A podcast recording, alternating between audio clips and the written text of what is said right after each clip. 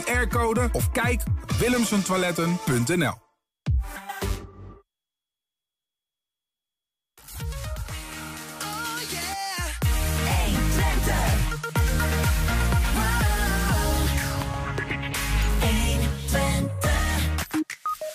Herenboeren zijn inwoners van een stad die eh, gezamenlijk een boerderij kopen en dan voedsel verbouwen of laten verbouwen. In Enschede is dat een succes en in Almelo wil het nog niet helemaal vlotten. De Zero Waste Tour is voor het eerst in Almelo. In Almelo komt er ook een spoedcursus in de vorm van een theatershow om uh, voorbereid naar de middelbare school te gaan. En in een nieuwe we hebben een nieuwe depot vandaag. Niet op maandag, maar op dinsdag. En vandaag aandacht voor de Pinksterkroon. Het is dinsdag 30 mei. Dit is 120 vandaag. 120. 120 vandaag. Gezamenlijk een boerderij oprichten en voedsel verbouwen. Dat is het doel van de Herenboeren Twente. Ook in Almelo moet er zo'n herenboerderij komen. Maar het wil nog niet heel erg vlotten. Voorzitter van de Herenboeren Almelo, Caroline Sloot, is bij ons samen met bestuurslid Martin Mulder. Welkom. Uh, allebei. Uh, misschien voordat we naar de uitdagingen gaan, uh, Caroline, wat is een herenboerderij eigenlijk precies? Een herenboerderij is een uh, coöperatie waar uh, een bestuur is en leden. En samen brengen zij geld op om een uh, stuk land te huren, te, te pachten. En samen een boer in te huren. Eigenlijk als anderhalve boer, 1,4, 1,6 FTE. En samen duurzaam voedsel te produceren. -hmm. Dus als jullie, jullie zijn beide herenboeren, maar zijn niet echt boeren, Martin? Een herenboer is iemand die zelf niks doet. Die laat het boerwerk doen. Dus nee, we krijgen straks een professionele boer. Ja. En die, die, doet, uh, die, die doet alle teelten en het uh, veehouden. Die staat verantwoordelijk voor. En de leden van de coöperatie hoeven in principe niet mee te werken. Maar worden wel geacht mee te werken. Dus, maar dan gaat het vooral om de oogstijden en om de zaaitijd. De drukke periodes van het jaar. Ja, ja. Dus je legt allemaal als leden, gewoon inwoners van een stad, van een omgeving, leg je wat, uh, wat, wat geld in. En dan wordt een boerderij van opgetuigd. En dat wat die boerderij opbrengt, daar deel je ook weer in mee. Inderdaad. Ja. Wat, wat zijn dan, want in, in Herenboeren Twente is in verschillende plekken uh, bezig om dit soort initiatief van de grond te tillen. In Oldenzaal of Noordoost-Twente wil het aardig lukken, geloof ik. In Enschede zijn ze met wat dingen bezig. Nou, dat is ook een beetje in opkomst allemaal. Uh, in Almelo, uh, nou ja, willen jullie het van de grond tillen? Mm -hmm. Wat zijn daar de uitdagingen? Grond vooral. We zijn op zoek naar, naar grond. En uh, Almelo is natuurlijk een, uh, een, een, stad waar die weinig uh, openbaar groen nog heeft. Dus het is uh, zoeken waar we, daar, waar we een plek kunnen vinden voor dit initiatief. Ja, ja. We hebben weinig landelijk gebied. Hè? En als je weinig landelijk gebied hebt, dan, en, en, dan heb je ook nog één groot grondbezitter, de Graaf van Almelo, die heel veel grond heeft. Dus je hebt een paar partijen die een grote... Dit is echt iemand? De Graaf van Almelo? De Graaf, ja. van, de graaf van Rechter en Limburg is de eigenaar van Huizen Almelo, een landgoed. Ja. En die hebben heel veel pachtboeren. En die hebben op het ogenblik ook door de stikstoftransitie en alles wat in de landbouw gaande is, hebben al die boeren allemaal behoefte aan meer grond. Dus de huidige pachters willen ook al extra grond claimen. Ja, ja, ja. Dus uh, we moeten het hebben van stoppende boeren of van gewoon grond van de gemeente die de gemeente niet kan gebruiken voor nieuwbouw of voor bedrijventerreinen. En daar zijn we wel druk mee bezig. Dus, dat is jouw pakje Jan, begreep ik hè Martin? Ja, ik mag de grondverwerving doen. Ja, ja, dat is een leuke portefeuille wat dat betreft in dit uh, verhaal. Een hele uitdaging tegenwoordig. Ja, ja precies. Ja, ja, ja, ja. ja maar is dat, is dat uh, ik weet niet vanaf wanneer jullie bezig zijn, maar is dat echt een, uh, een uh, ja, best wel een grote drempel waar je nu tegenaan loopt? Dat je denkt van ja, we hadden een mooi idee, maar het blijkt toch wat lastiger dan gedacht? Nou, we zijn vorig jaar rond de zomer zijn we begonnen. Ja. En dan begin je eerst met kijken, is er animo voor? En dan en op een gegeven moment komt er een, een partij leden en zeggen, nou oké, okay, de animo is er wel. Nou, laten we maar op zoek gaan. En toen hebben we ook nog wat contact gezocht met wat uh, enthousiastelingen uit Wierden. We hebben ook al een, iemand die lid is vanuit Reis. Dus het is niet zo dat we per se in Almelo moeten zitten. Maar de gedachte is wel dat je vanuit het centrum van Almelo... met 15 minuten fietsen bij die boerderij bent straks. Dus dan moeten we toch in die groene longen van Almelo... daar moeten we proberen grond te vinden. Ja, ja. ja want dat, dat is goed om te benoemen. Hè. Dit is natuurlijk niet per se alleen maar omdat je dan denkt... van ik wil weten waar mijn eten vandaan komt. Maar er zit ook nog wel een soort van du duurzaamheidsagenda achter, toch? In principe. Je zegt van we willen uh, wat minder dat hele globale uh, ja, verhaal wat we nu doen. Het gaat hier over het betrekken van de mensen bij de voedselproductie. Het is van grond tot mond, hè, dus er schijnt weinig verpakking. Uh, je gaat de biodiversiteit vergroten. je gaat dieren ook weer inzetten voor. Die hebben meerdere functies. Kippen kun je bijvoorbeeld weer onkruid laten wieden binnen de, de fruitboomgaard. Ja. Dus ehm, zo heb je een, een, een, gaat het over veel meer dan alleen. Produceren. Het gaat over ook, ook community en, en groeien in dat besef van nou ja, hoe wij onderdeel zijn van het geheel. Ja. Uh, als je het dan hebt over grondverwerving, hè, dan moet je het dus wel echt hebben. Martin, kijk jou maar even aan als uh, nou ja, je gaat over die grondverwerving bij jullie club. moet je het dan echt hebben van, van de gemeente nu dan? Is dat eigenlijk de speler waar je, waar je op wacht? Nou, de gemeente, je hebt tegenwoordig de privacywet. Dus de gemeente heeft vooral heel veel inzicht in welke boeren gaan stoppen. Of die grond beschikbaar hebben. Of die niet weten wat ze met de grond willen in de toekomst. Die geen opvolger hebben. Dus dat hebben zij goed in beeld. Dus mhm. zij hebben vaak de eerste lijn naar een aantal boeren. En dan geven, wij tips, geven zij tips door. Dan vragen zij die boer van, wil je in gesprek met die herenboerenclub? Nou, en op zo'n manier eh, krijgen we contacten. Ja. Maar we krijgen niet één op één een hele lijst met, eh, met boeren die in de toekomst wat willen. En dan gaat er zelf maar heen. Dat, uh, dat gebeurt niet, nee. Want dat moet uh, landbouwgrond zijn. Dat heeft een uh, bepaalde bestemming. Zo het moet in potentie geschikte grond zijn. Het mooiste is uh, oorlogrond noemen we dat. En uh, oorlogrond is eigenlijk een wat ouder landschap met veel houtwallen, bosjes, waar voldoende natuur aanwezig is. Want als je biologisch en natuur inclusief wilt telen, mhm. dan moet je niet een hele kale, doorgespoten met kunstmest verrijkte akker hebben, die eigenlijk ecologisch min of meer dood is. Want dan ben je een paar jaar bezig voordat je daar een goede natuurlijke balans in hebt. En in, in oude landschappen, en vooral op landgoederen, is dat eigenlijk vrij snel te realiseren. Ja, dus, is, is het vinden van, van zo'n lap grond is dat lastiger dan jullie hadden verwacht? Nee, ik wist wel dat het uh, een paar jaar ging duren. Er zijn, er zijn hier boeren die zijn wel vijf, zes jaar bezig geweest. Maar uiteindelijk lukt het wel. Het gaat lukken. Ja, het gaat lukken. Ja. ja, maar je moet de tijd eruit hebben. het is natuurlijk een beetje lastig met die, uh, met die stikstofdiscussie.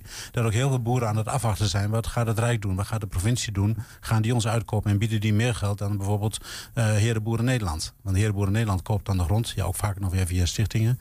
En wij pachten dan weer die grond van Herenboeren Nederland. Ja, ja. Ja. Um, over leden gesproken, want uiteindelijk valt of staat natuurlijk zo'n club ook met genoeg mensen die uh, willen, willen bijdragen. Want je moet een boer kunnen betalen, je moet de grond kunnen betalen. Um, nou ja, om, om maar te beginnen, er zullen vast nog mhm. andere dingen zijn. Hoe zit het daarmee in Almelo? Zijn de mensen een beetje hun handjes op elkaar te krijgen? Ja, we hebben momenteel 43 leden. En dat zijn, uh, die vertegenwoordigen dan uh, landelijk gezien ongeveer 2,2 monden. Dus dat zijn zo'n 88 mensen die er al achter zitten. En uiteindelijk moeten we natuurlijk naar, naar minimaal 150 leden. En uh, de boerderij is ideaal uitgemeten als je 200 leden hebt. En dat zijn ongeveer 500 monden. Ja, ja. En de, maar dat is nog wel uh, een, een factor 2,5 te gaan. Dus. Ja, ja, zeker. Maar het is, uh, ja, dus we zijn heel blij met de mensen die nu al aspirant lid zijn. daar zijn we begonnen met de community. We hebben een moestuin zijn we nu gestart om elkaar beter te leren kennen en zo de community te starten. Ja. En zo zullen we ook ja, dat mooi kunnen gebruiken om mensen te laten zien van kijk, dit zijn wij. En dan zullen we vanzelf uh, meer, uh, meer leden krijgen. Want hoe moet ik me dat voor? Misschien gewoon even een plaatje te schetsen. Hè? Uh, stel die, die boerderij in Almelo, die komt er en mooi centraal tussen die gemeenten zoals jullie het hebben. En een beetje zo richting de Almeloze kant, omdat daar misschien de meeste mensen vandaan gaan komen. daar staat dan een boerderij. Uh, en, en, en daar is dus uh, een, een soort van. daar is een boer die door jullie wordt ingehuurd, is daar bezig. Maar er zijn ook mensen van jullie eigen club bezig. Wat, wat, wat gaan we daar zien? Nou ja, het grappige is, ik hoor je als het, er staat een boerderij. Nee, in principe niet. We, er staat niet eens een boerderij. Uh, nee. Want je hebt niet per se een boerderij nodig om grond om, om, om, om te verbouwen. Dus ehm, je hebt grond. En als je geluk hebt, zijn er gebouwen. En als je geen geluk hebt, zijn er geen gebouwen. En moet je daar zelf nog wat uh, aan doen. Ja, ja. En, uh, Wel een romantisch plaatje had ik in mijn hoofd. Van, van een mooie boerderij die er dan staat. Maar het is natuurlijk, je hebt gewoon grond nodig waar dingen in groeien. Dat plaatje dat komt er ook wel. Maar uh, wij doen hoofdzakelijk aan groente- en fruitteelt. En de dieren heb je vooral voor de reststromen om alles zeg maar, circulair te krijgen. Ja. Dus we gaan niet een enorme grote melkveehouderij opzetten of zo. We hebben niet een, een, het traditionele beeld van de Twentse boeren is een melkveehouderij. Ja. Met heel veel grond en heel veel grasland. Wij zullen vooral een soort ja, een uh, groenteteelt, fruitteeltbedrijf. Lopen de dieren rond op een herenboerderij Almelo? Of niet? Uh, straks, kippen hebben wel. Het, over? het is een gemengd bedrijf, dus er komen kippen, varkens, koeien. Ja, precies. Nou, en daar lopen jullie dan tussen ook? Ja, wij lopen daar tussen, ja. En, en, dat is van precies. Je kunt namelijk met, uh, met, met, met 1,6 FTE aan uh, boeren, uh, boerencapaciteit, kan je, is dat eigenlijk een te groot stuk. Dus het is echt de bedoeling dat mensen meehelpen. Ja. En, en, en dan kom je er wel. Maar 1,6 voor alleen Almelo. Dus dat is wel voortdurend. Eigenlijk is daar ook een, een professionele boer aanwezig. Ja, ja, je hebt 500 monden die je voert en je hebt ongeveer 20 hectare grond daarvoor nodig. En iets van, van 8 tot 9 hectare is voor de groente- en fruitteelt. En de rest is uh, wat grasland en wat uh, akkerbouw voor uh, veevoeder. En daar heb je een beperkt aantal dieren voor. Dus we gaan niet uh, zorgen dat de leden elke dag twee biefstukken op bord hebben. Want uh, dat past niet bij het herenboerenconcept. Maar we willen natuurlijk natuur inclusief en in balans met de natuur voedsel produceren. Dan moet je niet heel veel dierlijk eiwit gaan produceren. Maar vooral gewoon groenten en, uh, en fruit die je rechtstreeks als mens kunt consumeren. En ja. niet via via. En wat, wat, want, die, want die boer die zal nou ja, het, wat, wat grovere werk doen. misschien op de trekker zitten of iets dergelijks. Dat weet ik eigenlijk niet. Maar wat, wat doet een lid van zo'n herenboerderij dan in dit die verhaal? helpt de boer. De boer is echt de bedrijfsleider. Uh, die maakt een teelplan. Maar zo'n teelplan wordt dan weer voorgelegd uh, via, via, de ALV, de Algemene Ledenvergadering, aan ja. de leden van oké, okay, wij zijn het mee eens. En vervolgens. We willen meer asperges. Kan. Dat soort dingen kan, precies. Ja. Zo van, nou ja, ja, we vonden die palmkom van vorig jaar toch niet zo lekker. Liever niet meer deze, dit jaar. Ja, zo hebben de leden gewoon inspraak. Zo concreet uh, wordt het letterlijk. Letterlijk, maar, ja. maar, maar, en, en, en, want helpen de boer, uh, je, je, je, maakt ook letterlijk vieze handen misschien wel. Je gaat daar, uh, ja. je moest daar, ben je nu al mee bezig. Maar wat, wat, moet, ja, wat moet ik voor me zien dan? Een, een boer heeft een aantal werkgroepen. Er is bijvoorbeeld een werkgroep die dieren, de dieren verzorgt. En, maar ook een, een, een, groep die, die helpt met de oogst. Een groep die helpt met de uitgifte. Want dan moet natuurlijk elke week moeten de, de leden weer de groente op kunnen halen. Mm -hmm. En uh, zo zijn er allerlei soorten werkgroepen die dan worden aangestuurd door, uh, door de boer. Maar je moet je en, voorstellen en, van als, er dus, uh, als leden niks doen in de piektijden, moeten meer mensen, meer professionals ingehuurd worden. En dan wordt die contributie per week hoger. Dus je hebt gewoon een contributie en je hebt een eenmalige inleg. Koop je in als lid. Dan heb je dus die zeggenschap in die ledenvergadering. Wat ja. er geteeld wordt en wat, welke dieren er gehouden worden. Maar daarnaast moet er gewoon het hele jaar door moet er dus wat uh, extra hand- en spandiensten verleend worden. Doen de leden dat niet of te weinig, dan wordt die contributie hoger. Ja, dus dan moet er van extern worden gehaald. Ja, zeg maar. we willen wel uh, concurrerend zijn met, met de gewone marktprijzen. We willen goedkoper zijn. Dus uh, dan moet je dus wel wat meehelpen in de boerderij. En de ervaring leert dat van de 500 monden die gevoed moeten worden, dat gemiddeld zo'n 80 tot 100 mensen structureel meewerken. Want hoe, hoe zit dat dan? Want je hebt een, je hebt een inlegbedrag. Ik begrijp dat zo'n zo, zo 2000 euro uh, per. Nou, met de huidige inflatie gaat het al vaak richting 2500. 2500. Ja, dus en, en daarmee, uh, uh, dat is eigenlijk een soort van investering om een fundament te leggen onder dit hele verhaal. Omdat je toch, je ja, moet ergens dat beginnen. Dat is waar, waarmee je inderdaad de machines, mogelijk gebouwen um, en, de, en de grond aanschaft. Verder gereedschap. Ja, maar ik begrijp dat is een aandeel. Dat kun je ook weer, op het moment dat je stopt, is dat weer inwisselbaar. Als er iemand is die jouw plek wil overnemen, dan krijg je ja. dat geld weer terug. Tenminste, voor zover het dan nog die, dat geld waard is. Ja. ja. ja. En dan heb je daar bovenop heb je dus nog een, een contributie. contributie. En betaal je daarmee feitelijk die eieren die je van het land afhaalt, Precies. of die asperge bijvoorbeeld? Ja. Ja, dus die koop je niet per asperge, maar je betaalt contributie en daarvoor haal je wat van uh, het ja, land af. Iedereen krijgt gewoon een, een, een pakket. En als er iets tussen zit wat je niet zo lekker vindt, dat kan je ruilen met andere leden. Maar je moet gewoon elke week je, je spullen ophalen. Ja. En, um, en dan dat, dat pakket is afhankelijk van wat er dat, dat, dat moment geoogst wordt. En er zijn er meestal twee tarieven. Dat is uh, de vegetariërsclub. Dus als je de haast helft vegetariër is, dan betaalt hij iets minder contributie omdat hij die vleesspullen uh, niet heeft. De veganisten betalen misschien nog iets minder, maar we, normaal krijg je nee. twee tarieven. Twee tarieven. Nou, dat Vegetariërs en, uh, en, oh ja, dat en, en vleeseters. Ja, precies. Ja. Je wordt een kleine ALV in het klein gehouden. Zo. Ja. Um, uh, ja. Dat is natuurlijk wel een interessant fenomeen. Als je zegt van we willen eigenlijk onder, onder de marktprijs blijven. Dus feitelijk zeg je daarmee, even afgezien van die inkoopprijs. Want dat is natuurlijk ook nogal wat. Maar die kun je weer terugkrijgen. Dus die reken ik even niet mee. Mhm. Mm -hmm. um, dat, je, dat je eigenlijk aan, goedkoper aan uh, meer biologisch uh, voedsel uh, ja. komt. Ja, dat, is, dat is het doel. ja. Dan is de vraag natuurlijk, dan is het een soort van no-brainer. van waarom, doen, waarom doet niet iedereen dit? Nou, je ziet dat het ook razend populair is. Tien jaar geleden is dit begonnen. En er is nooit verwacht dat er... Er zijn nu 16 herenboeren actief. Ja. En uh, er zijn nog 40 initiatieven gaande in Nederland. Dus het is veel groter, sneller groot geworden... dan dat de oprichter ooit gedacht had. Ja. Er zijn heel veel mensen... Die, en daarnaast zijn wij niet het enige concept... maar zijn er ook nog meer concepten... die, uh, die waar soortgelijk zijn. Precies. Ja. Ja, je hebt ook gewoon boeren, twee boeren die samen, twee jongens die samen een boerderij beginnen, of twee vrouwen. En die, en die dan gewoon uh, leden hebben die uh, in een coöperatie zeg maar, elke week gewoon contributie betalen en een groentetas ophalen. Dat kan ook. Ja. Maar dan zijn die boeren de, degene die het risico van het bedrijf dragen. En nu zijn het bij ons, bij de herenboeren, zijn het de leden die het risico dragen. Hoe kom jij er zo bij, Martin? Ik ben met pensioen. ik heb tijd. En, en ik ben landschapsarchitect. Ik kom, nee, ik kom uit de groene wereld. Ik ben zelf boer geweest vroeger ooit. En ik heb van alles nog wat gedaan. Ja. En ik ben nu net met pensioen. En, uh, Moet je er wat van weten? Moet je een beetje in nou, die het wereld is wel makkelijk binnen de club. Dat je, we noemen dat een linking pin. Hè? Dus je hebt de professional boer. Die uh, ook als breed opgeleid is. En uh, daarnaast is het wel makkelijk dat er een aantal mensen binnen de leden zijn. Die een beetje een groene achtergrond hebben zoals ik. Dat, Ja. helpt, dat helpt wel, ja. Ja. Om eh, de, de, de, het te kunnen vertalen en een beetje een rechterhand te kunnen zijn van de boer hier en daar. Misschien. Ja, nou, die boer die, die kan niet overal tegelijk zijn. Ook niet zeven dagen en 24-7 uh, aanwezig zijn. Dus er zal wel eens een keer vervangers moeten zijn. Precies. En dan is het wel makkelijk dat een paar mensen daar een beetje gevoel voor dieren hebben. Of, of uh, voor groente kweken of weet ik veel. Ja. Ja. Hoe is dat bij jou, Caroline? Hoe is dat gegaan? Hoe ben je erin in beland? Um, via het voedsel. Interesse inderdaad steeds meer biologisch gaan eten.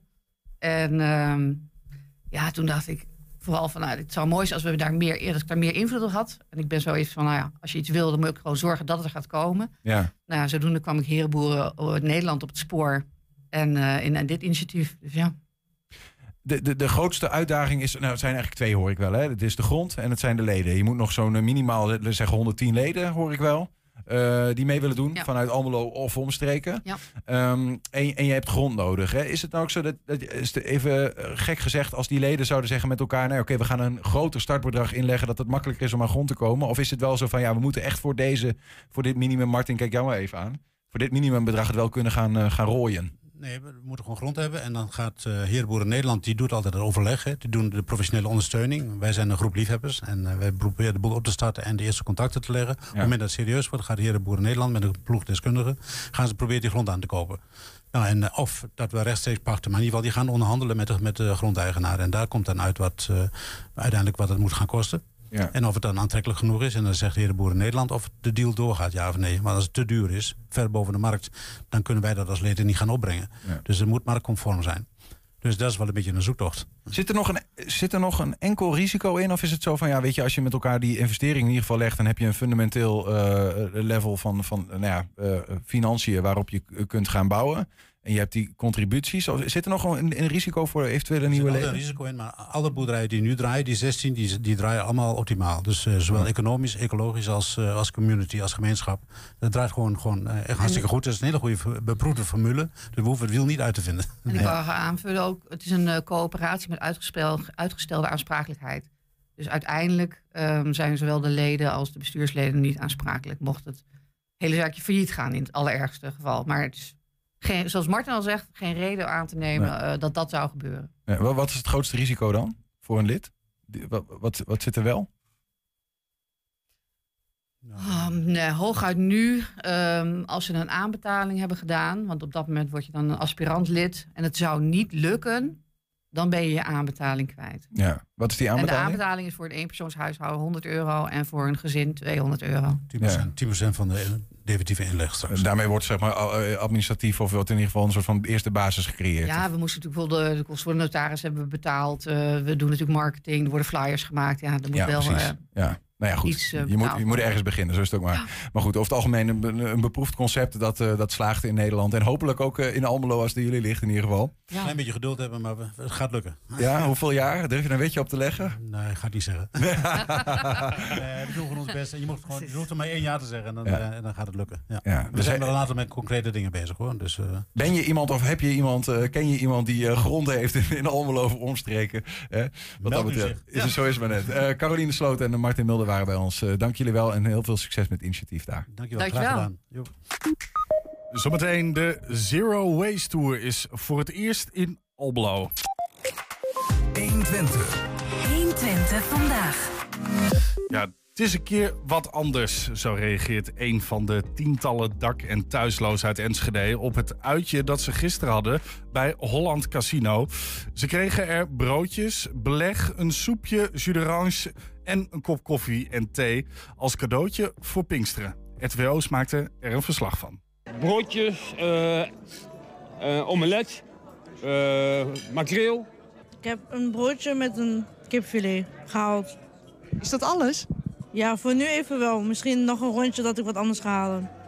Uh, krentenbol met kaas, bolletje met, uh, met uh, haring, nou, eitje, eigenlijk met een croissantje met kaas op. Nog een glaasje jus Luxe ontbijtje. Ja, zeker, zeker. Dat maak je niet vaak mee.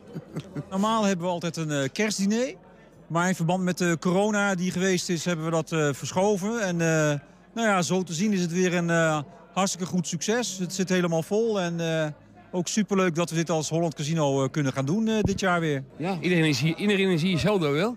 Op straat kijken heel veel mensen ja, je aan en wil, maar het is, het is ja, je bent niet anders dan andere mensen. Nee. nee. En dat vind ik mooi dat, dat, dat je zo uh, ja, goed ontvangen wordt hier, hier wel. Door vrijwilligers en noem maar op. En mensen die, mensen die je helemaal niet kennen. Ja, dat is een beetje wennen, maar ik vind het wel, uh, ja, ik vind het wel bijzonder. Het is wel uh, voor herhaling vatbaar, zeg maar. Dus ja, ik vind het wel apart. Zo ontbijt je normaal gesproken niet? Nee, niet snel, nee. Niet dat we ergens naartoe gaan en we gaan eten of zo. Hoe belangrijk is zo'n ochtend voor uw cliënten? Uh, ik denk dat zij juist heel erg uitkijken door eens wat anders te doen, uh, anders wat te gaan doen uh, dan binnen de maatschappelijke opvang, zeg maar, wat te organiseren. En ik ben blij dat het Holland Casino bijvoorbeeld zo'n activiteit organiseert, zodat zij ook eens zien wat er eigenlijk buiten, wat er buiten eigenlijk de maatschappelijke opvang of buiten de bepaalde settingen waar zij in terechtkomen, wat, er eigenlijk, wat je als mens eigenlijk allemaal wel niet kan doen. Ja, ik vind het wel bijzonder. Ik vind het ook wel ja, ik had dat zelf niet zo verwacht dat er zo verschillende veel mensen van allerlei uh, pluimage hier zijn om, uh, om zo'n ontbijt te, te, gebruiken. Dus dat, ja, ik zie wel dat de coronacrisis iets gedaan heeft met de mensheid. Maar goed, ja, lekker. Ja, lekker vers dus. Altijd goed bij casino, als je niet hokt. Dit gaan we zeker voor de volgende jaren ook weer volhouden wat mij betreft, als het aan ons ligt, eh, mogen, mag iedereen hier komen eh, eh, zeg maar die, die hulp nodig heeft. Dus we kunnen nog uitbreiden. Geen probleem. Mooi initiatief daar in Holland Casino. Wat dat betreft wel grappig om te zien, hè? Ja, nee, het is een keer wat anders dan een gokje wagen. Ja, dat is het. 120. 120 vandaag. Met je eigen bakje, zakje, tasje en uh, koffiebeker naar de winkel. Het is een van de manieren om te voorkomen dat eenmalig gebruikte verpakkingen uiteindelijk in de natuur belanden. Zero Waste Nederland die droomt van een wereld zonder afval en leidt mensen daarom rond langs de plekken waar ze het best verpakkingsvrij kunnen shoppen. Afgelopen weekend liepen wij mee met een aantal gidsen die ons het leerden in Almelo. Ja, we zijn vandaag met de Zero Waste uh, wandeltour. Dat is vanuit Zero Waste Nederland wordt dat georganiseerd. En we gaan dan met een tourgids over heel veel verschillende steden over eh, langs verschillende plekken... waar je allemaal met je eigen bakjes en zakjes je boodschappen kan halen. Ik ben een lokale gids in Almelo en uh, ik doe dit ook als vrijwilliger. Want uh, Zero Waste is gewoon een burgerinitiatief. En we vinden het gewoon belangrijk om wat meer aandacht te krijgen voor minder verpakkingen. Wij kunnen best wel heel veel dingen verpakkingsvrij aanbieden. Uh, zo kunnen we de thee uh, los verpakken. In, in, verpakkingen die mensen zelf meenemen. De koffiebonen, chocolaatjes, bonbons. Omdat we ervoor willen zorgen dat we met z'n allen toch wat minder afval gaan produceren op de wereld.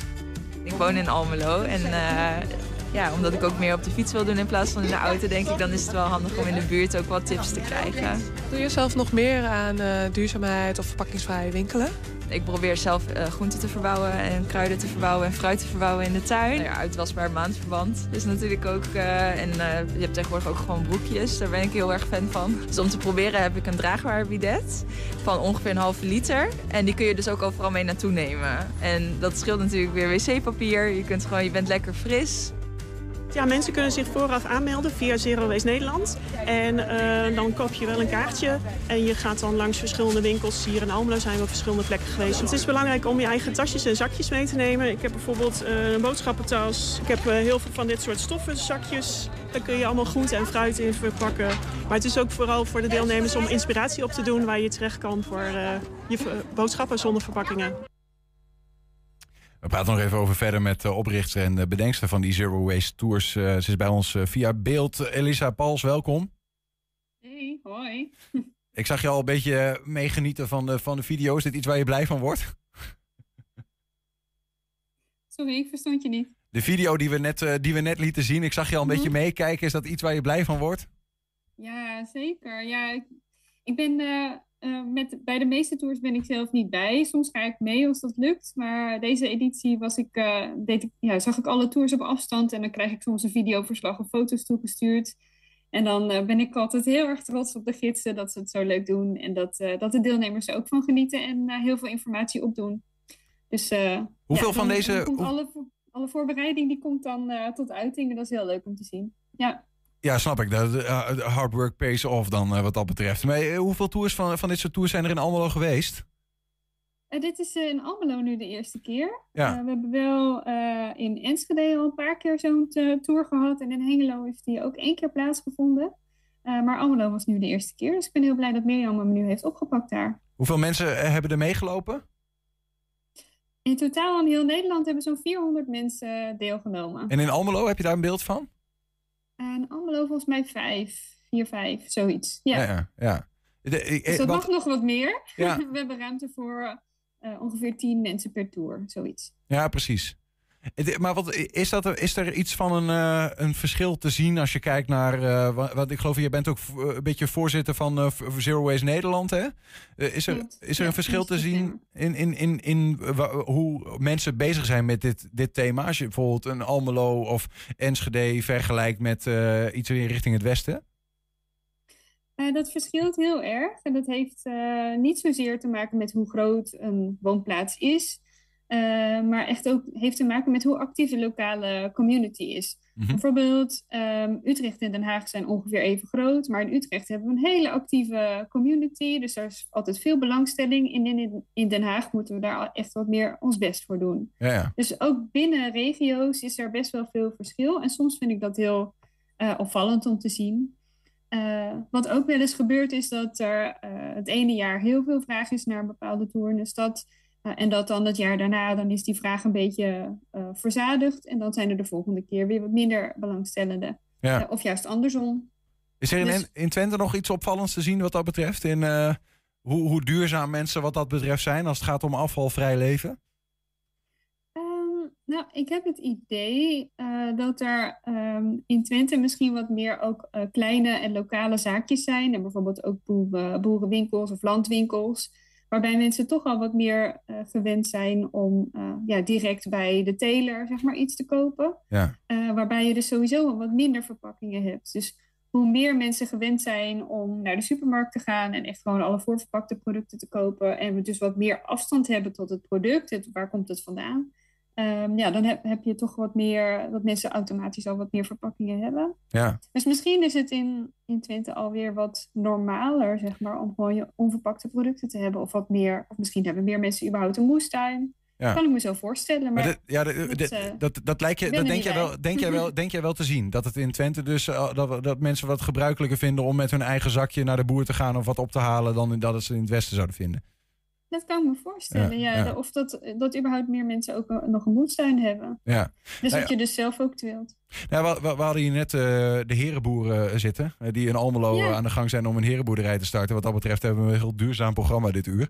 Ehm, maar het is natuurlijk een beetje... Ik hoorde ze ook wat zeggen over verpakkingsvrij. Ja, nou ja, goed. Het is natuurlijk wat, wat, wat zij ook, ook doen, is gewoon zorgen dat je een eigen kip hebt. In plaats van dat je de, van, de- van de kip van de Jumbo leeft. Die dan misschien ook nog. Waar je ook niet geen zicht hebt op hoe die dan leeft. Dat is een ander verhaal. Maar, ehm, maar dat ei gaat dan mee, bij wijze van in een eigen, in een eigen eierdoos. En die, die wordt gewoon hergebruikt. In plaats van dat die wordt weggegooid. Dat is natuurlijk waar, je, waar jullie met Zero Waste eh, een beetje op, op, op, op nou ja, ook, ook na- naartoe willen.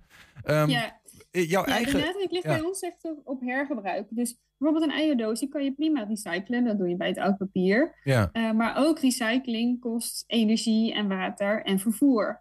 Ehm, dus eh, hoe meer je daadwerkelijk dezelfde verpakking kunt hergebruiken, zonder dat die gerecycled hoeft te worden, maar gewoon in dezelfde vorm blijft, dat is eigenlijk de duurzaamste manier. Ehm, dus proberen we mensen ook veel meer eh, eh, het bewustzijn mee te geven dat recycling niet de beste oplossing is. Dat bijvoorbeeld eigen verpakkingen of hergebruik of zonder verpakkingen, dat dat eh, veel duurzamer Maar het is wel vaak hoe het wordt gepropageerd natuurlijk in deze tijd. Hè? Recycling is eigenlijk de key voor, om, om, om uiteindelijk goederen, goede, grondstoffenverspilling tegen te gaan. Precies, ja. Dat, dat wordt gezegd, maar ik schrijf soms ook wel eens een beetje kritische stukjes. En dan werd mij wel eens gevraagd, eh, hoe zie jij de toekomst van recycling? En voor mij is de toekomst van recycling veel minder recycling. Omdat er veel, in, in een ideale situatie heb je veel minder om te recyclen. Dat is ook wat ik merkte in mijn eigen leefstijl. Toen ik begon met Zero Waste, ehm, had ik veel minder om te recyclen. Omdat ik gewoon al die troep niet in mijn huis haalde. Eh, dus dan heb je, hou je veel minder over, eh, waar, waarbij je dan moet nadenken welke bak het moet. Ja. Omdat je het gewoon niet in huis hebt. Dat scheelt heel veel. Wat is er, wat is er eh, zijn er ook, zijn er ook eh, dingen die wij in de winkel kunnen kopen die eigenlijk niet uh, dat, waar, waarbij het niet te doen is om, om het verpakkingsvrij te doen? Um, ja, er wordt mij altijd gevraagd van wat zijn nou de moeilijkste dingen? En, en dan moet ik altijd heel goed nadenken, want ik vind het eigenlijk allemaal helemaal niet zo moeilijk. uh, als je eenmaal weet, dat is ook het doel van de tours natuurlijk, als je eenmaal weet hoe, je je boodschappen kunt doen ja. uh, met veel minder of geen verpakking of met je eigen verpakking, dan is het eigenlijk helemaal niet zo moeilijk. Het, je hoeft er helemaal niet uh, super veel moeite voor te doen. Het, je hoeft er niet uh, meer geld voor te besteden. Sterker nog, je kunt heel veel geld mee besparen met deze leefstijl. Nee, je moet wel, je moet, of, of je moet een vaatwasser hebben, anders moet je blij, blij worden van, van afwassen. wel... Of een wasmachine als het zakjes zijn. maar de meeste mensen hebben een vaatwasser die al aangaat. De meeste mensen hebben een wasmachine ja. die al aangaat. Ja. Dus je, je, maakt niet, je, het is niet zo dat je daardoor veel meer was hebt of zo. Um, uh, dus dat, dat, ook dat valt, uh, valt reuze mee. Ja. Nee, het belangrijkste is eigenlijk dat je uh, voorbereid moet zijn. Dus als je boodschappen gaat doen, dat je dan gewoon je tas meepakt waar dan bakjes en zakjes in zitten. Want sommige dingen zijn wel lastig mee naar huis te nemen als je, dat niet, als je niet je eigen verpakking al bij je hebt, als je die niet voorbereid hebt. daar kunnen ondernemers ook nog wel bij, bij helpen. Bijvoorbeeld door verpakkingen met een statiegeldsysteem aan te bieden of door een mooie verpakking um, met een spaaractie beschikbaar te stellen. Bijvoorbeeld een bakker, als je daar um, vaker komt, dan kan die bakker ook zeggen: uh, je kunt van ons een mooie broodzak krijgen, een katoenen broodzak die je vaker kunt gebruiken. Ja. Er zijn heel veel bakkers die dat doen. En daarmee help je dus ook uh, om je klant te wijzen op een herbruikbare verpakking. En doe je ook nog een beetje aan klantenbinding. Uh, dus Ja. dat, dat, dat zijn Ja. opties die heel goed werken als je samen kunt werken, dus de klant en de ondernemer. Maar tegelijkertijd is voor die ondernemer, die moet natuurlijk dan, eh, waar die normaal een soort van productieproces heeft, waarbij die zegt van hup, brood af in een zak, hartstikke idee, aan de zijkanten mee. En als iemand hem kon kopen, dan geef ik hem mee. En nu is het eigenlijk brood af, eh, wachten tot iemand met zijn zak komt om hem te vullen. Ja, maar bij heel veel bakkers ligt ook gewoon onverpakt brood op de, op de plank natuurlijk, onverpakt en ongesneden nog. Uh, en dan kun je gewoon prima zeggen, nou, ik wil dat broodje graag in mijn eigen zak. Uh, vergeet niet, ondernemers die moeten al die verpakkingen ook inkopen. Uh, dus dat kost hun ook geld. Dus hoe meer mensen hun eigen verpakking meenemen, dat is voor een ondernemer ook aantrekkelijk, omdat ze dan kun, Ja. kosten kunnen besparen op de verpakkingen die ze moeten inkopen. Ja, dus ja. is voor hun ook financieel aantrekkelijk. Je zei net, eh, eh, toen, toen ik begon met eh, Zero Waste eh, Nederland, hè, dat heeft een geschiedenis, toch? Je hebt een soort van persoonlijk verhaal waardoor je uiteindelijk eh, het licht hebt gezien om, eh, om een soort van eh, verandering te, te, in ieder geval in je eigen leven te doen. En blijkbaar zodanig dat je vindt dat dit heel Nederland mee moet. Ja, ja. Eh, ik ben zo iemand die rond de, rond jaarwisseling altijd eh, goede voornemens heeft. en dan, ehm, eh, ik had in 2015 bedacht dat ik minder E-nummers wilde gebruiken. Dus minder toevoegingen in mijn eten, ook vanwege mijn eigen gezondheid. En ik had een heel klein boekje gekocht, daar staan alle E-nummers in beschreven. Ehm, en daarmee liep ik door de supermarkt en het duurde eindeloos. Nou, ik ging al die etiketten bestuderen van wat zit eigenlijk in mijn eten. Ehm, en ik dacht, nou, dat ga ik niet meer doen. Ik ga gewoon naar de ma- markt en naar de moestuin van mijn vader. En eigenlijk per ongeluk eh produceerde ik de helft minder afval. Gewoon omdat ik naar de markt en naar de moestuin ging. Ehm, en ik was altijd heel erg bezig met afval. Dat het in de goede bak gaat. En dat ik eh, inderdaad dus goed mijn afval scheid. Eh, maar toen viel in één keer het kwartje van... oh, ik kan dus ook anders mijn boodschappen doen... zodat ik al die spullen niet in huis haal. Ja. En dat deed ik dus onbewust. Hè, dus de helft deed ik onbewust. En toen dat kwartje viel, toen dacht ik... maar als ik het bewust ga doen, wat kan ik dan nog meer? Kan dan mijn hele prullenbak eigenlijk leeg blijven?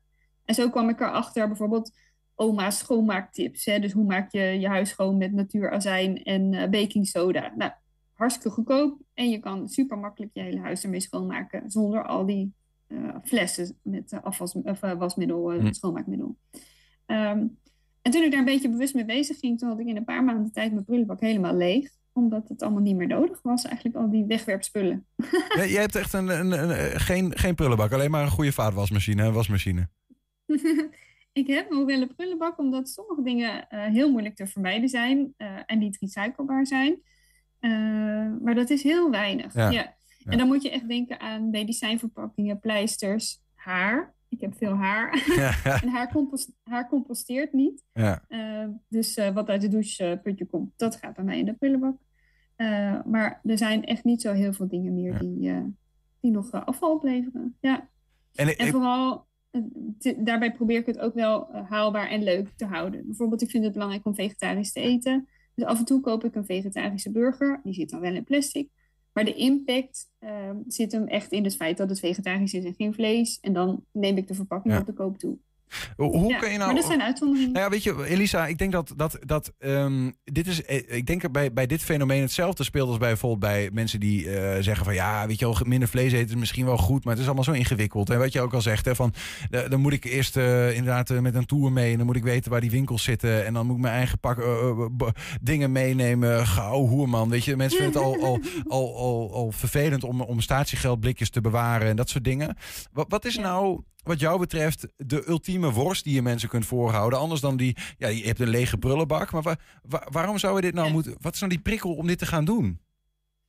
Eh, er zijn heel veel prikkels om dit te gaan doen. En misschien goed ook om te weten dat ehm, eh, we proberen dit zo laagdrempelig mogelijk te doen. Dus we delen ook heel veel tips eh, op social media en dat soort dingen. Dus we proberen het echt makkelijk te maken voor mensen, dat je het echt niet allemaal zelf hoeft uit te vinden.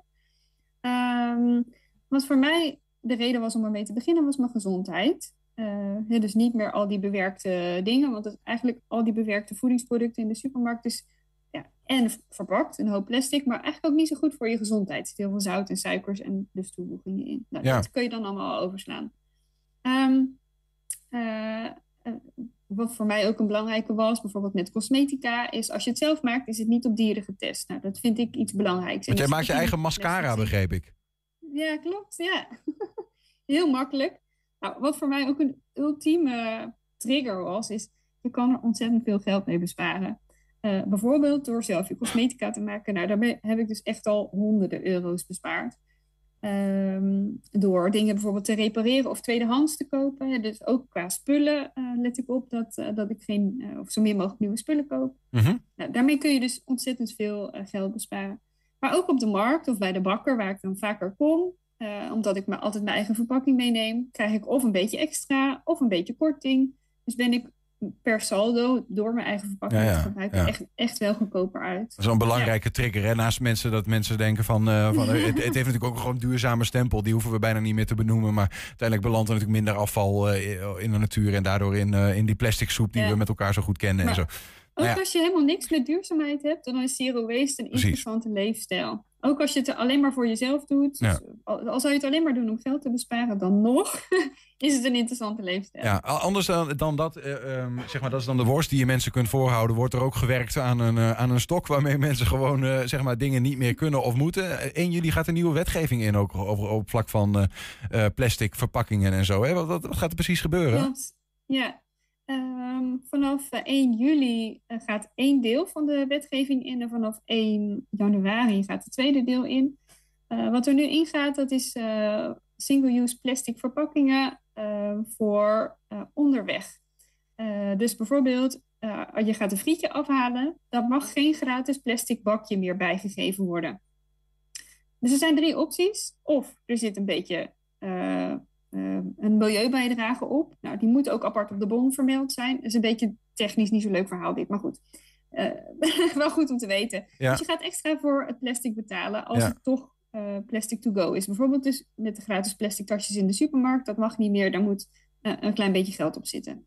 Dat gaat hetzelfde gebeuren. Dus of een klein beetje geld moet erop zitten, of er moet een herbruikbare optie zijn. Dus bijvoorbeeld dat je, dat je dus niet meer afhaalt met een plastic bakje, maar dat je daar gaat zitten met een bord. Maar je mag het ook afhalen met je eigen herbruikbare verpakking. Wat men vroeger deed, met een pannetje naar de frietboer. Wat ik zelf dus ook heel vaak doe. Ja, ja, ja. Eh, Maar dus dat er is, zijn het- drie opties. is wettelijk vastgelegd straks dat, dat, dat een, een, een frietkraam moet meewerken als jij zegt: Ik heb mijn eigen eh, pannetje mee, Ja. gooi het hier maar in. Precies, ja. dat Ja. mogen ze niet meer bij. doen. Interesting. Nee, goed, maar dat is dus nog een, nog een, eh, een, een, een prikkel voor mensen om in ieder geval dat, dat plastic ga je straks gewoon moeten betalen. En als je zelf meebrengt, nou ja, dan, eh, eh, dan, dan heb je dat niet. Ehm, Ja. ja. en dan vond ik nog een, een, la- een leukste laatste misschien vond om mij af te sluiten. Je zegt ook gewoon heel simpelweg minder afval creëren door gewoon een nee-nee-sticker te gebruiken bijvoorbeeld. De allermakkelijkste optie. Ja, ik, ik ben best een lui persoon. Als het te Dat zou je helemaal niet denken trouwens. Als je al die dingen die je noemt, die je allemaal zelf allemaal optuigt. Ja. ja, nee, als het te moeilijk is of een te ingewikkeld recept om iets zelf te maken, dan denk ik, ik begin er niet aan. Mm. Dus het moet simpel zijn. En het liefst niet alleen voor mij, maar dat, dat ik het aan iedereen kan uitleggen, dat iedereen zoiets heeft, oh, is het zo simpel? Dat kan ik ook wel. Nou, dat zijn de beste tips. Uh, en voor mij begon dat dus met een nee-nee-sticker op mijn deur. Uh, daarmee voorkom ik dus heel veel uh, reclamemateriaal, dus heel veel papierafval. Uh, maar tegelijkertijd ook heel veel verleiding om spullen te kopen die ik helemaal niet van plan was om te kopen, maar omdat ze nou toevallig in dat foldertje staan. Dus dat zorgt voor minder impuls inkopen en minder koopverleiding. Dus dat was een hele makkelijke, dat kan iedereen. Ja. Uh, uh, dank, dank voor die tips. Dan echt de laatste vraag even. We begonnen even met die Zero Waste Tours... waarin uh, gidsen eigenlijk de mensen in Almelo nou ja, de kans gaven... om met hen mee te lopen om te zien... waar ze nou het beste verpakkingsvrij kunnen winkelen. is dat, ben je van plan om dat nog een keer zoiets te gaan organiseren in Almelo? Wanneer kunnen we weer mee als we zouden willen? Ja, sowieso doen we dit jaarlijks terugkerend. Dus tijdens de Week Zonder Afval. Dat is altijd rondom Pinksteren. dan organiseren we landelijk deze tours... Um, maar als er mensen zijn die zeggen, nou, ik wil wel gids worden, of uh, ik heb ook nog wel eens belangstelling gehad vanuit Nijverdal of Oldenzaal of Hellendoorn. Als er mensen zijn die luisteren die zeggen van, nou, we, uh, ik wil wel gids worden, heel graag. Um, en ook als je zegt, nou, ik heb eigenlijk wel een clubje bij elkaar van vijf of tien mensen, of misschien een bedrijfsuitje. Hartstikke prima, dan gaan we dat regelen dat er zo'n tour voor jullie komt. Uh, dus ik zou zeggen, als je interesse hebt, wacht niet een heel jaar, maar uh, neem contact met ons op. Kijk, zijn altijd kansen. Elisa Pals, uh, uh, dankjewel voor je uitleg en succes met, met wat je doet. Dankjewel, graag gedaan. Hoi. Zometeen in Almelo komt er een spoedcursus in de vorm van een theatershow om goed voorbereid naar de middelbare school te gaan. En wij, dit programma, 120 vandaag, is ook als podcast te vinden. Nee. Ja, Echt? Op alle platforms waar je podcast kan vinden, zijn wij. En uh, je hebt daar twee podcasts. Eén heet 120 Vandaag. Daar vind je de, gewoon de hele uitzendingen van kop tot kont. Je hebt ook eentje die heet 120 Vandaag uitgelicht. En daar krijg je iedere dag het beste item losgeknipt. 120. 120 Vandaag. Schoenen, broeken, truien of zelfs knuffels. Als er maar textiel in zit, dan willen de kinderen van basisschool De Fontein in Enschede het hebben. De leerlingen van groep 7 en 8 doen mee aan de regionale textielrace. En die willen ze heel graag winnen.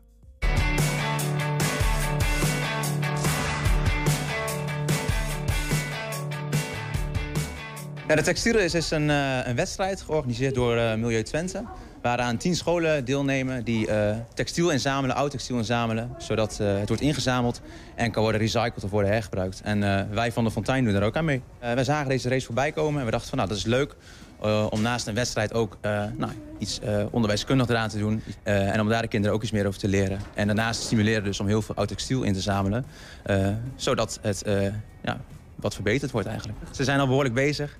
Uh, er zijn behoorlijk wat uh, ouders die heel uh, goed ons helpen. Elke ochtend staan er veel vuilniszakken, die worden hier gebracht. de kinderen die wegen die, vullen dat allemaal in op de website van de textielrace. En vervolgens gooien ze die in de container die op het plein staat. Oh, we doen eigenlijk de zak erin. En dan kunnen we hier zien hoe zwaar die is. Dan moeten we het afronden naar de eerste getal achter de komma. Dat is hier zo 3,7. En dat schrijft zij dan op.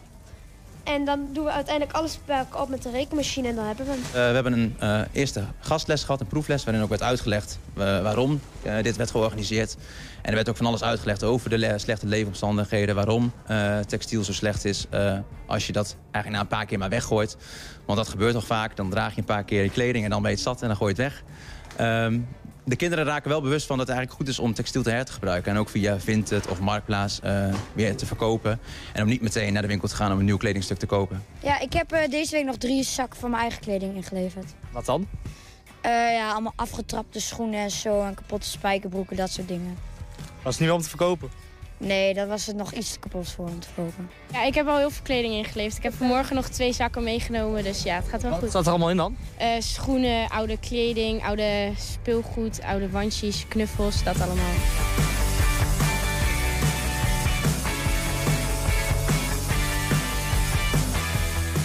Ben je er echt druk mee bezig dan? Ja, op zich wel. Soms spreek je dan gewoon af op school. Nou, laten we woensdagmiddag van eh drie tot vijf dan even de buurt rondlopen. En dan split je meestal soms even op in een paar groepjes. En dan ga je gewoon rond de wijk met een skelter, met een aanhanger. En dan eh, aan het einde van de dag heb je een hele voorraad weer.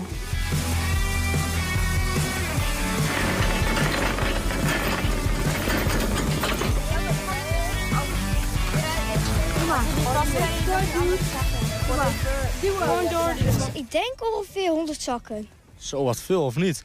En is die vaak vol dan? Mm, hij is één keer vol geweest en toen voor de helft. Toen werd hij weer geleegd. Hard duwen. Ja, is het klem? Ja? Ja. En weg is die. Wat gaan we nu doen? Gewoon bij mensen aanmelden en vragen of we textiel hebben. We gaan anders even met jullie mee. Ja, is goed. Hij heeft u nog oude kleding? Ja, Kijk eens, een zak vol. Dankjewel. Bedankt. Ja. Doei. Ja. Bedankt. Ja, doei. Oh, nee. De winnaar die krijgt een mooie geldprijs. Die eh, ze mogen gebruiken om een, eh, iets leuks te doen met de groep. Ehm, en de nummer 2 en 3 ook. Dus eh, wij doen ons best om bij de top 3 te komen. Maar eh, meedoen is inderdaad wel belangrijker dan winnen. 120. 120 vandaag. En het gaat ook voor deze kinderen die we net zagen. Als die op een gegeven moment eh, in groep 8 komen en daar weer klaar mee zijn. Nou, dan gaan ze verder. Een andere route naar school volgt dan. Een heel nieuw lesrooster. En opnieuw vrienden maken. Naar de middelbare school gaan is een behoorlijke verandering voor afzwaaiende groep 8'ers. Maar ook voor hun ouders. En om de aankomende brugpiepers op weg te helpen... bedacht theatergroep Playback uit Utrecht... samen met Stichting Loes uit Almelo... een creatieve spoedcursus. Aan de lijn is coördinator van Stichting Loes, Henrike Nijman. Goedemiddag. Ja, goedemiddag. Vertel. Ja, vertel. Eh, nou ja, het is een, eh, inderdaad wat jij zegt, eh, een grote stap voor de kinderen en hun ouders. Het kind wat je nog aan de, aan de hand mee naar school nam, gaat ineens van alles zelf doen. En ja, daar ben je gewoon soms niet op bedacht als ouder. En dan denk je, jeetje, wat gebeurt mij nou? Ja. En het is ontzettend leuk om dat op het podium ehm, te zien. Het maakt hele, heel makkelijk de gesprekken, brengt het op gang. Het geeft ouders een beeld ehm, van wat er gebeurt, waar ze nou, zich op kunnen voorbereiden. Wat moet ik me erbij voorstellen? Wat gaan we dan op zo'n podium eh, kunnen zien dan? Ja, je gaat op het podium bijvoorbeeld een theater zien, of een, een stuk zien tussen een vader en zijn dochter, eh, die zoiets heeft van, eh, nou ga je lekker buiten spelen in plaats van bank hangen met je telefoon en kauwgom in je mond en doe niet zo onbeleefd en ga eens gewoon zitten en eh, ja, en die vader die denkt, hé, hey, eh, eerder reageerde ze gewoon en ging ze, eh, deed ze netjes wat ik vroeg en nu krijgt ze een grote mond terug. Ja. Of ouders die proberen hun kind bij het huiswerk te begeleiden, maar ehm, in een wiskundeboek kijken en denken, jeetje, dit zijn niet de wiskundeopgaven zoals wij ze vroeger hadden. Ik kan mijn kind eigenlijk dus niet zo goed helpen. Ja. En ehm, dat zijn hele leuke dingen. Ja, wat, en wat doe je daar dan mee? Want eh, is het dan ook de bedoeling, eh, hoop je dat je ook mensen ku- kunt helpen van wat moet je nou in zo'n geval doen? Is dat, zit dat er ook in? Ja, en wat we eigenlijk doen is dat we eerst de scène laten escaleren. Dus die dochter geeft inderdaad een grote mond en stampt kwaad de kamer uit. Ehm, de, de spelers leggen op dat moment het theater stil. Vragen ouders van, oh, volgens mij deed ik het niet goed. Hoe zouden jullie dit thuis aanpakken? Eh, en met de input van ouders spelen ze de scène opnieuw. Dus er wordt op dat moment geïmproviseerd op basis van eh, wat ouders teruggeven. En ehm, dus kijken hoe het dan eh, afloopt. Dus door de vorm, ja, terugspeeltheater noemen ze dat. Ja. Eh, je speelt dezelfde scène opnieuw en zo kan je verschillende dingetjes op het podium laten zien. En wat zo leuk is, zo erg als het bij, op het podium is, want het podium vergroot natuurlijk alles enorm uit. ehm, zo erg is het thuis nog niet. Dus ook ouders die echt wel thuis wat te stellen hebben met hun puber. Die denken zo erg is bij mij nog niet. Ja. Ja, die denken, oh, zo erg is het bij mij nog niet. En dat helpt ze dus ook over de drempel om eh, hulp te vragen. Ja. Eh, ik zag dit op het podium, ik vind het thuis best lastig, wat moet ik doen? Dus in de kantlijn van de voorstelling ehm, zijn ook gewoon een aantal Almeloze professionals aanwezig... die met ouders één op één gewoon in gesprek kunnen. Van ja, wat kan je dan thuis doen? Wat heb je al geprobeerd? Maar als ik het zo hoor, dan, dan is het niet per se alleen voor de, voor de bruggers en hun ouders. Eh, maar dan, dan is het voor iedere, iedere ouder bijna wel en eh, van een, van een puber wat dat betreft. Nou, zeker. En eh, zeker ook deze vorm. We hebben er met meer eh, eh, thema's al geprobeerd. Deze vorm werkt gewoon heel goed. Want je kan inderdaad op het podium ontzettend veel laten zien. Eh, de, toneelspelers die zijn ook gewoon goed thuis in de materie. Die eh, hebben ook ergens een pedagogische ehm, eh, achtergrond. En ehm, kunnen dus ook gewoon ontzettend goed dat neerzetten op Ja. het podium. Ja, dan moet wel als ze we- moeten improviseren of het een goede oplossing is of niet. Dan moeten ze ook een beetje kunnen aanvoelen, is dit inderdaad een goede oplossing? Of gaat Ja. dit wat deze eh, vader van 43 nu Ja. bedacht heeft, gaat het helemaal de boel uit de pan laten escaleren? Nou ja, inderdaad. En, en op die manier moet je het ook zien. Het, het is een, een luchtige vorm om ook grote problemen aan de orde te stellen. Want een kind dat gaat puberen... eh, de, eh, er zijn natuurlijk ook kinderen die in deze periode echt een beetje eh, nou, van het padje raken. Komen in aanraking met nieuwe vrienden. Drugs. eh, komen op school in, in aanraking inderdaad met eh, gamen, drugs, alcohol. Ehm, nou, de meiden die wil je toch op deze leeftijd wat weerbaarder maken. Ja. Dus het zijn soms best grote dingen. Ja, Eh, ja. Kinderen hebben ook echt wel last van soms een stukje studiedruk. raken daar soms wat, nou, wat somber van. En als je als ouder daar open voor kunt staan en dat bespreekbaar weet te maken, ja, dan kan je gewoon heel veel betekenen voor je, voor je kind in deze periode. Ja. En eigenlijk is dat het allerbelangrijkste van die avond. Grote dingen op een luchtige manier eh, bespreekbaar maken. Maar vooral voor ouders dus, begrijp ik. Ja, en in dit geval, eh, bij deze voorstelling komen de kinderen mee. Ja. Of tenminste, ze mogen mee. Want eh, die pubers denken ook, wat gebeurt mij nou? Eh, die staan soms ook ja, voor ja. zichzelf. Ja. Eh, nou ja, sowieso groeien ze zelf alle kanten op, hè, de groeispurt. Ehm, maar ook andere vrienden. Daardoor komen zij ook in aanraking met, met dingen die ze nog nooit mee hebben gemaakt. En staan voor zichzelf dus ook vaak voor de keuze. Vind ik dit oké? Ehm, en doe ik mee of, of doe ik dat niet? Ja. Ben ik, ben ik een stevige persoon en, en heb ik hier, eh, maak ik mijn eigen keuze? En eh, het is ontzettend leuk om deze voorstelling met ouders en kinderen eh, te doen. De kinderen hebben vaak ook hele bruikbare tips voor hun ouders.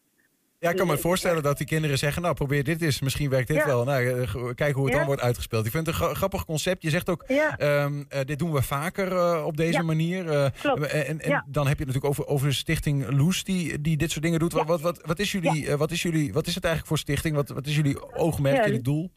Loes is eh, onderdeel van eh, de GGD Twente en de, en de 14 Twentse gemeenten. En eh, wij zoeken allerlei vormen van, van opvoedondersteuning, waaronder dus dit soort theaters. En Playback is een goede partner met wie we veel ontwikkelen. We hebben op vraag ontwikkelen we dus deze, deze thema's. We hebben bijvoorbeeld met Tactus al eens een, een thema gedaan over, nou dat ging, was dan voor de wat oudere jeugd, dat ging over alcoholgebruik Ja. middelengebruik. Ehm, en dat doen we dan in de periode eh, nou, december tegen de oud en nieuw aan. Of eh, rond carnaval in Twente eh, is ook zo'n moment dat je juist als ouder het gesprek aan moet gaan. Hm. En, dat je, en je, dat je kind eigenlijk zegt, vraag het me maar, want ik wil het er ook wel over hebben, maar hoe doe ik dat? Ja. En je gaat ook niet tegen je ouders zeggen van nou, eh, ik wil eigenlijk wel eens weten wat jullie vinden van, van mijn alcoholgebruik. Ja, dat, dat zijn van die onderwerpen die, die gewoon, die- wa- waarbij je wel allebei erover wil praten, maar waarbij Precies. eigenlijk iedereen, allebei de partners het lastig vinden om dat aan Ja. elkaar te vragen. Ja, Ja, ja, kan me voorstellen. En, en we doen hem, eh, eh, we hebben dit theater ook al voor ehm, de eh, leeftijd 2 tot en met eh zevenjarigen. En dan heb je het echt over, voor je het weet zijn ze groot. En dat, want naar de basisschool gaan is ook een hele grote stap. Maar de peuterpuber, die kennen we ook. Ik Ja. twee en ik zeg nee. Ja. Dus ook daarin zitten al heel veel situaties die voor ouders zo herkenbaar zijn. En het risico in die fase is dat alles nog grappig is. En als je kind dan boos is, een driejarige, die pak je gewoon op. En dan zeg je, nou, nou gaan we even gewoon doen.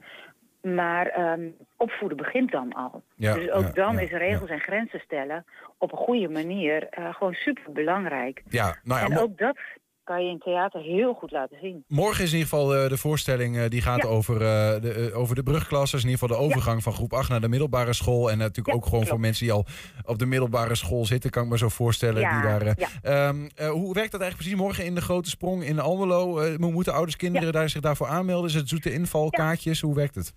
Ja, je kunt je aanmelden via de website eh www.loes.nl. Daar staat hij op de agenda voor 31 mei. En daar kan je je voor eh, aanmelden. En deze keer is die in Almelo, maar hij wordt door het jaar heen ook eh, in andere Twentse gemeenten eh, gegeven. Dus als je hem nu mist, of je kind is nu eigenlijk nog te jong, hou het dan in de gaten voor, voor volgend jaar, want dan Ja. komt hij zeker weer langs. En nou ja, we doen dit inderdaad dus samen met, met de GGD Twente en met in Almelo dan met Stichting Averdam Welzijn. Want eh, opvoeden, ja, dat, daar wil je gewoon eh, ouders in Ja. versterken voordat dingen een probleem zijn. Helder. En dat is de, de kracht van die avond. Morgenavond Dus dus. En, eh, Loes.nl hoor ik jou zeggen. Henrike Nijman, dankjewel. Veel plezier morgenavond en succes Ja, met, eh, met de- het opvoeden van de, de Twentse kroost. Gaat goed komen, dankjewel. Heb je een tip voor de redactie? Mail dat dan eventjes naar redactie.120.nl 120. 120 vandaag. Ja, het Pinksterweekend zit er voor dit jaar op. Voor de een een belangrijk weekend, voor de ander een droge reden om bier te drinken. Mensen vieren het op verschillende manieren, maar hoe vierden de mensen dit vroeger en waarmee?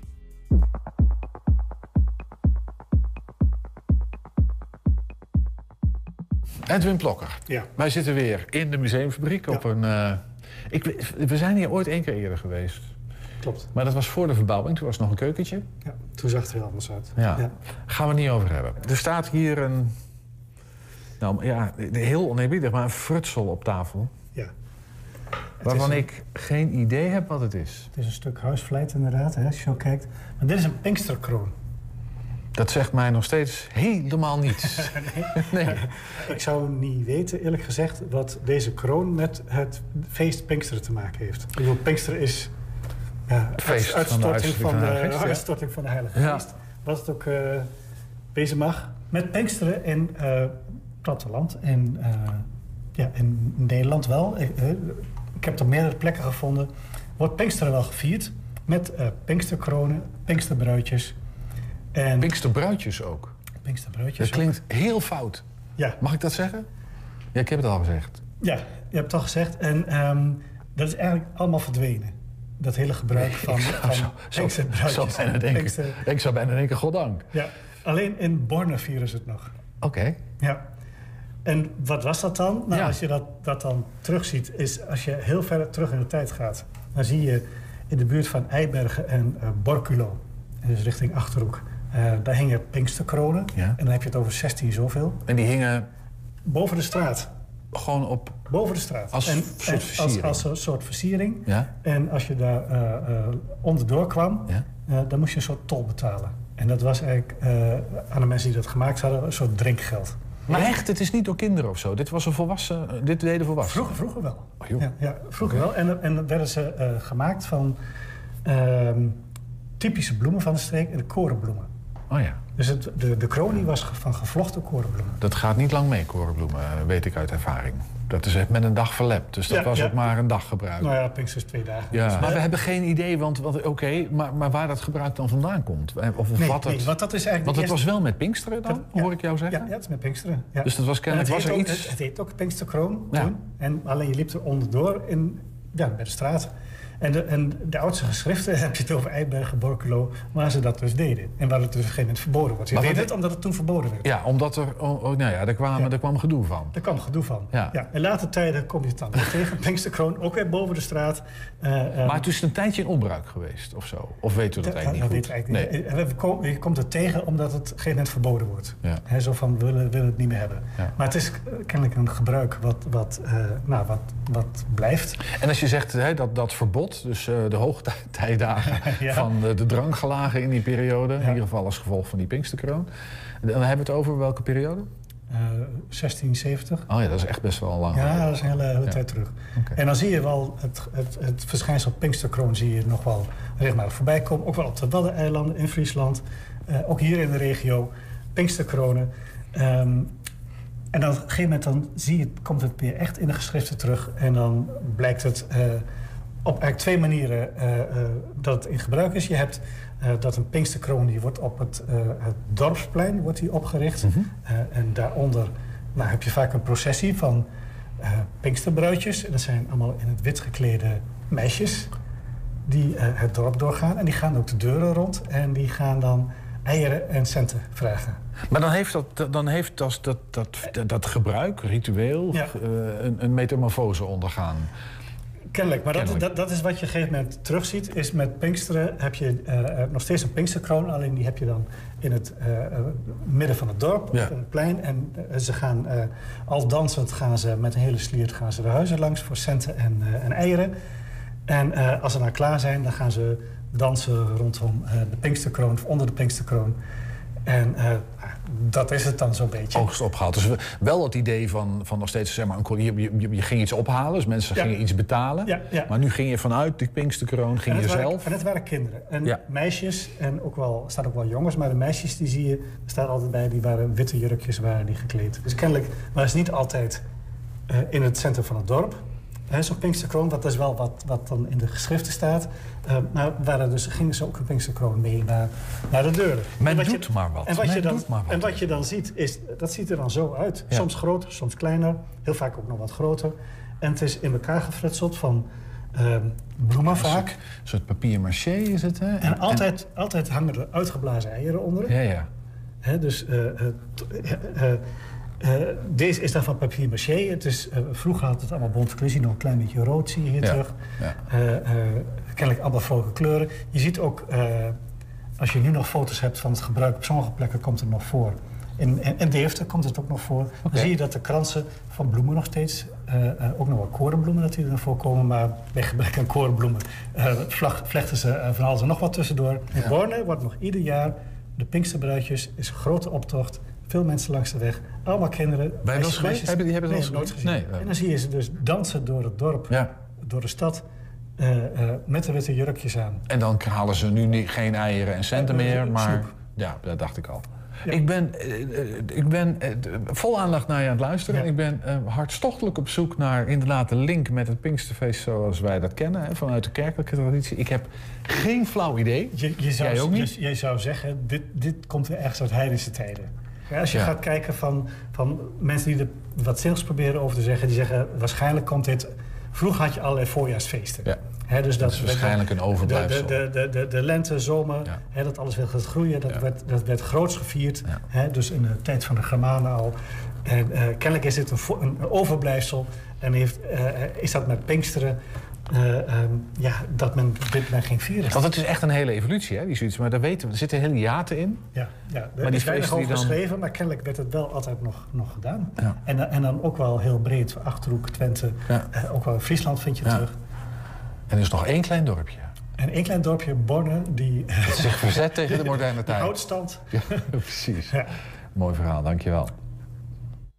Ja, zo is hij toch een beetje bij ons, hè? Ja, zo is het. Hij is bijna terug. Ernst Bergboer. Ehm, eh, hij is trouwens niet, niet, hij is niet weg. Hij is gewoon thuis. Ja. Ik niet bij hem in. Ehm, nee, maar we hebben tot het einde gehoopt dat hij de Pinksterkroon zou opzetten. dat niet gedaan. Het is niet gelukt, nee. Ja, Ja, strik er maar omheen doen dan. Dit was 120 vandaag. Terugkijken, dat kan direct via 120.nl. Vanavond om 8 en 10 zijn we ook op televisie te zien. Zometeen op de radio kun je gaan genieten van Henk Ketting met de kettingreactie. Wij zeggen veel plezier en tot morgen. 120. Weet wat er speelt in Twente. Met nu het nieuws van 5 uur. Goedemiddag, ik ben Frans van der Beek. De BBB wordt zoals verwacht de grootste partij in de Eerste Kamer met 16 zetels, meldt het ANP. Er wel één minder dan verwacht werd.